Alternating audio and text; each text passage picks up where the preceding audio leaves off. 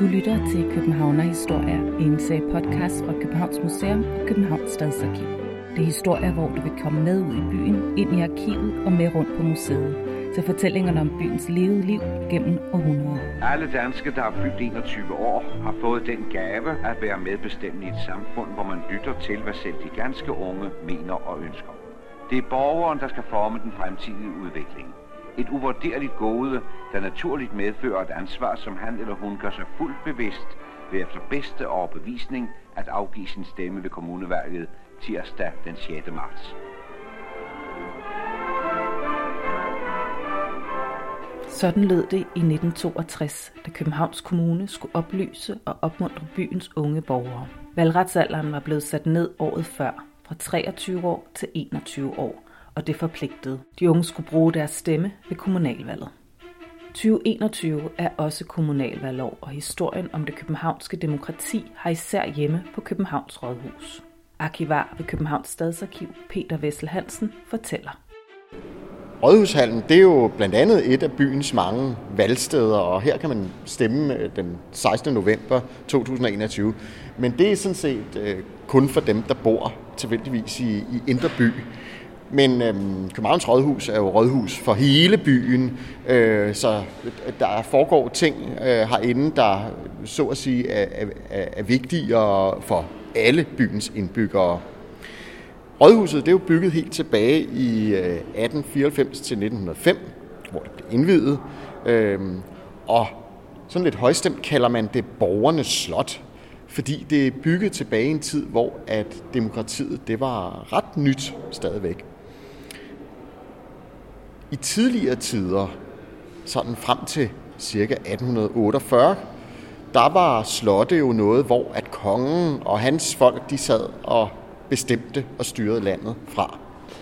Men på det her tidspunkt, i slutningen af 1800-tallet, der kan man altså tænke på et slot som et sted, hvor at det er folket, der bestemmer. Og det er jo både Københavns Rådhus, men jo også Christiansborg. Det Christiansborg, vi har i dag, det blev jo også bygget til at rumme det repræsentative demokrati.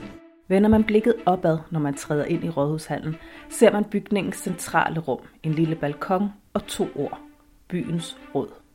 Det er her Københavns borgerrepræsentation mødes. Og faktisk er det sådan, at nede under borgerrepræsentationssalen, der hvor bryllupssalen i dag er, der lå Københavns Museum i ældre tider, og der ligger Københavns Stadsarkiv stadig den dag i dag. Og det er herinde hos os på Københavns Stadsarkiv, at hele byens historie den opbevares. Så i de langt over 100 år, borgerrepræsentationen har siddet og holdt møder op i deres mødesal herinde i Rådhuset, der har de altså nærmest siddet direkte oven på historien.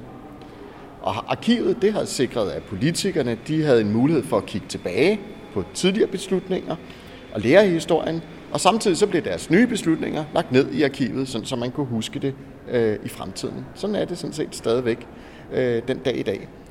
Og derudover så er det også sådan, at oppe i borgerrepræsentationssalen, der er tilhørpladser, øhm, og det giver jo sådan en demokratisk adgang til at kunne følge med i, hvad der foregår. Men samtidig så bliver borgerrepræsentationens forhandlinger, det de taler om oppe i mødesalen, det bliver skrevet ned og altså lagt ned i arkivet. Og det betyder, at i arkivet, der kan borgerne gå ind og se, hvad der tidligere er blevet talt om. Så alt det her, der foregår inde i det her hus, og med den her historiske og, og politiske søjle, der kommer ind i møde, når man kommer direkte ind i rådhuset, det har altså også en vigtig demokratisk betydning. Men borgerrepræsentationens historie, den går sådan set meget længere tilbage, eller noget længere tilbage end det her rådhus. Og det kunne vi måske gå ind på arkivet og tale lidt videre om.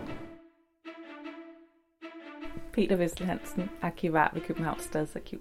Vi er gået ind på arkivet. Vi står blandt mange reoler herinde, og øh, borgerrepræsentationen er et par etager over os. Hvad kan vi lære af at stå herinde om det københavnske demokrati? Lige præcis her, hvor vi står nu, det er der, hvor vi har opstillet borgerrepræsentationens forhandlinger. Forhandlingerne, det er altså mødereferater for møderne helt tilbage fra da borgerrepræsentationen startede, og op til man stoppede med at udgive det i trygt form. I dag der øh, ligger det, det elektronisk på kommunens hjemmeside. Og Det, der er interessant, det er, at Københavns Borgerrepræsentation, det er en af Danmarks allerførste demokratiske institutioner. Fordi borgerrepræsentationen stammer tilbage fra før, at vi havde et egentligt demokrati og folkestyre i Danmark. I begyndelsen af 1800-tallet, der havde vi jo ikke demokrati. Der havde kongen al magt i det, man kalder enevælde. Men der var ved at komme pres på kongen, for at folket skulle få noget medbestemmelse. Og der ude i Europa, der var der forskellige revolutioner, og kongen han rystede i bukserne og indså, at måske var det en god idé bare at give en lille bid til folket. Så i 1831, der opfandt kongen, eller lovgav kongen, om at der skulle oprettes rådgivende stænderforsamlinger, som det hed. Nogle sige, form for råd, hvor at en mindre del af øh, borgerne i Danmark, de kunne rådgive regeringen lidt, altså ikke bestemme. Og øh, de her øh, råd, de skulle omfatte samfundets hovedgrupperinger, godsejere, bønder og borgere, og der skulle være nogle frie valg til de her forsamlinger. Men reelt var det faktisk kun 3% af befolkningen, der kunne stemme og blive valgt ind i de her forsamlinger. Men de kom, og det var selvfølgelig bedre end ingenting. Snart efter blev flere lokale forsamlinger etableret, blandt andet i København. Hovedstaden havde faktisk haft sin egen særlige styreform siden enevældens indførelse i 1660. Der var magistraten, det vil sige forvaltningen, og de 32 mænds råd, som skulle rådgive magistraten. Men 1. januar 1840 blev dette ændret, da Christian den 8. besluttede, at 36 folkevalgte borgerrepræsentanter skulle erstatte rådet. Det var så langt fra alle indbyggere i hovedstaden. Der var på det her tidspunkt omkring 120.000 indbyggere i København, der kunne være med til at vælge, hvem det skulle være, og blive valgt ind i den nye borgerrepræsentation. Det var faktisk øh, kun byens borgerskab, de største grundejere og de største skatteydere, der var valgbare og havde valgret til det her nye råd. Desuden så skulle halvdelen af borgerrepræsentanterne være grundejere, og som en selvfølge talte vi kun om mænd. Det første valg til Københavns borgerrepræsentation, det var den 9. april 1840, og der kunne byens 1929 stemmeberettede spidsborgere for første gang vælge en københavnsk borgerrepræsentation. Men i det ligger der jo så også, at cirka 98% af københavnerne, de havde ikke noget at skulle have sagt.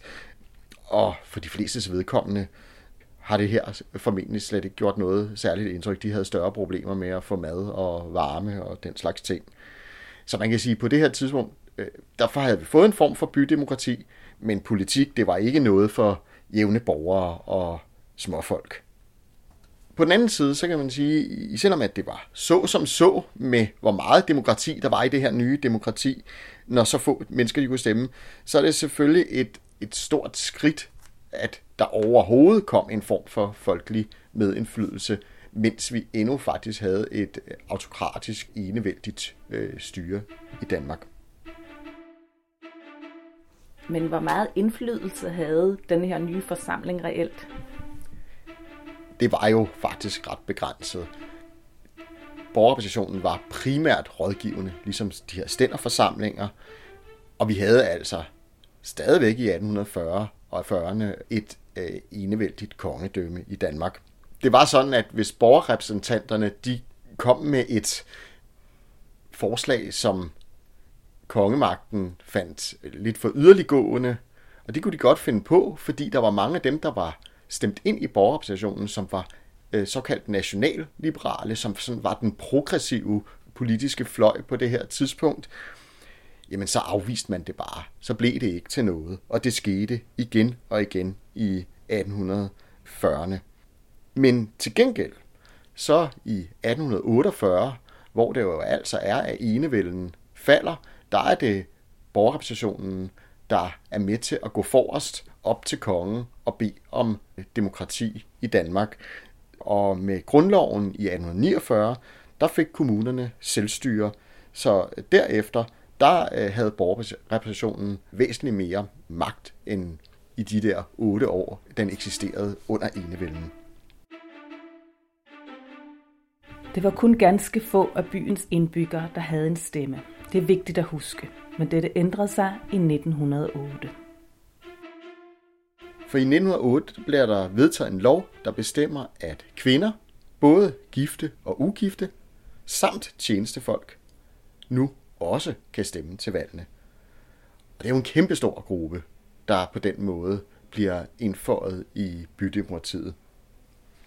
Og i øvrigt er det interessant, at ligesom at i 1840, der kom der et bydemokrati, altså otte år før der kom et, et demokrati på statslig plan, jamen så er vi også her på det her tidspunkt kommunalt, lokalt forud for det statslige, fordi der går nogle år før, at kvinder får stemmeret til folketingsvalgene. Den 12. marts 1909 kunne kvinder og tyne for første gang sætte et kryds og være med til at bestemme, hvem der skulle repræsentere dem på rådhuset. Samtidig var det også muligt første gang at stemme på en kvinde. Og 1. april 1909 satte syv nyvalgte kvinder, de første kvindelige borgerrepræsentanter, sig til rette i borgerrepræsentationens mødesal. Og ved det her første møde i borgerrepræsentationen, hvor at der er kvinder til stede som valgte, folkevalgte, der hilser Socialdemokraten Frederik Borgbjerg, der i øvrigt senere bliver social- og, og undervisningsminister, kvinderne velkommen og holder en fin tale for dem.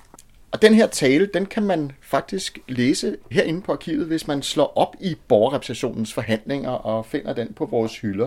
Så er den i det bind, der omhandler 1. april 1909 til 29. marts 1910.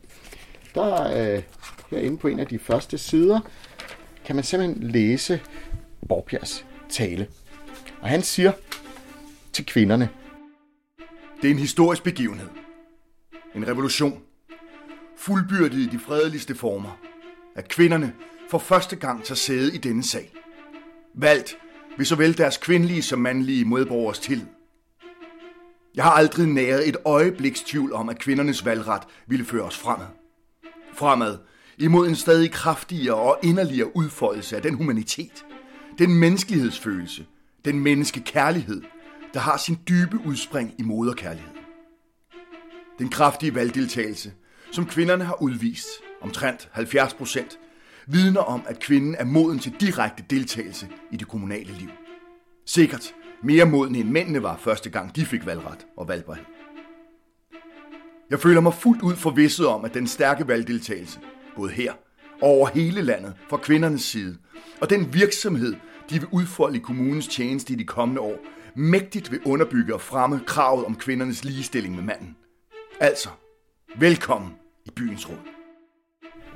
Peter Vessel Hansen, var det gjort med kvinderne, eller var der flere, der skulle have lov til at stemme og vælges? det var jo et kæmpe fremskridt. Man kan øh, jo næsten spørge sig selv, om der var demokrati før at kvinderne og tjenestefolkene i øvrigt også, som jo også var en anden kæmpe gruppe, hvoraf mange var kvinder i øvrigt, at de fik øh, mulighed for at deltage i demokratiet. Men der var stadig folk, der var udelukket. For eksempel folk, der fik øh, offentlig forsørgelse, fattighjælp. Men der var også andre. Og et centralt spørgsmål, det var, hvor gammel skulle man være for at få lov til at kunne stemme. Altså spørgsmålet var, hvornår var man moden til at deltage i demokratiet? Moden til at være med til at bestemme. I 1800-tallet, der varierede valgretsalderen mellem 25 og 30 år, og det øh, gjorde den sådan set et godt stykke ind i 1900-tallet. Og det var noget, der kom op til diskussion igen og igen, og der var stor uenighed om, om yngre mennesker de skulle have lov til at stemme og bestemme. Flere gange så var man faktisk meget tæt på at få sat valgretsalderen ned, men øh, af forskellige grunde så strandede det flere gange. Så ved 2. verdenskrigs udbrud, der øh, skulle man fortsat være 25 år for at stemme. Og så efter at 2. verdenskrig var slut, der kom det her emne op igen. Og det havde blandt andet at gøre med, at der jo var mange unge under 25 år, der havde deltaget i modstandsbevægelsen. Altså havde været med til at gøre Danmark ære. Skulle de ikke have lov til at bestemme? Og der gik jo så nogle år med at diskutere det her, men i 1949, der blev valgretsalderen nedsat til 23 år, men dog kun ved kommunalvalg forløbig.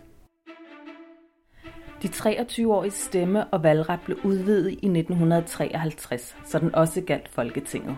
I det hele taget gik det mere tjept i efterkrigsårene, og gruppen af unge, der fik en stemme, blev hele tiden udvidet. I 1961 blev den generelle valgretsalder, som allerede nævnt, nedsat til 21 år.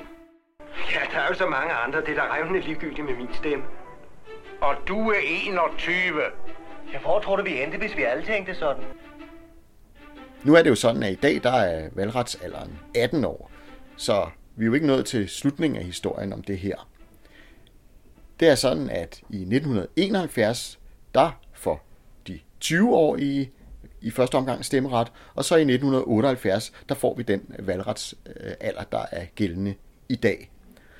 Og siden den her gradvise udvidelse af valgretsalderen i efterkrigsårene frem mod 1978, så er der altså ikke sket så meget på den front i de sidste mange år. Men den dag i dag, der debatterer man faktisk, om alderen skal sættes helt ned til 16 år, og de 16-årige altså også øh, skal have lov til at stemme. Så måske er den her historie ikke helt slut endnu. Emnet er i hvert fald ikke uddebatteret. Ja, men øh, hvad med lejligheden, når vi skal giftes? Tror du, de stegte duer kommer flyvende af sig selv? Alting kommer ikke på en gang. Nej, og derfor skal vi også gøre vores pligt. Ved at stemme den 6. marts. Nu er der snart kommunalvalg igen, og der er flere, der vil stemme for første gang. Hvem er det? Ja, hver gang der er valg, så er det det første valg for nogen. For der er jo nogle nye, der er blevet 18 år siden øh, sidste gang. Og de skal jo så altså ud og øve deres indflydelse på demokratiet. Derudover, så er der jo alle de politikere, der for første gang øh, stiller op for eksempel til borgerrepræsentationen her i København. For dem er det jo også en første gang, at de deltager. Og så kan man sige, at blandt de stemmeberettede, så kan der også i en by som København simpelthen være tilflyttere, folk, der har flyttet til Københavns Kommune, og skal stemme netop ved det her valg første gang. De har måske stemt andre steder tidligere. Og så er der endelig folk, der er flyttet til Danmark fra andre lande, hvor der måske ikke er mulighed for at deltage i et demokrati, som faktisk får mulighed for at stemme for første gang i deres liv. Måske grænvoksne mennesker. Så valgdagen, det er altså en festdag. Det er en fest for demokratiet. Og så er det måske også en dag, hvor vi skal mindes, at det ikke bare er en selvfølgelighed at have indflydelse, og at vi ikke skal sønderlig lang tid tilbage, før at der var meget store befolkningsgrupper, ikke mindst kvinderne, der var udelukket for at deltage og øve indflydelse på demokratiet her i byen. Du har lyttet til Københavner Historier, en sag podcast fra Københavns Museum og Københavns Stadsarkiv, produceret af Sara von Essen og Dorte Chakravarti. Arkivar ved Københavns Stadsarkiv, Peter Vessel Hansen, fortalte. Rasmus Hammerik optrådte som Frederik Borbjerg. Musikken stod Mads Kok for. Det er muligt at se Københavns Kommunes valgfilm på www.kbhbilleder.dk. Referater fra borgerrepræsentationsmøder kan læses på Københavns Stadsarkivs læsesal på Københavns Rådhus. Se hvordan på arkivets hjemmeside www.kbharkiv.dk.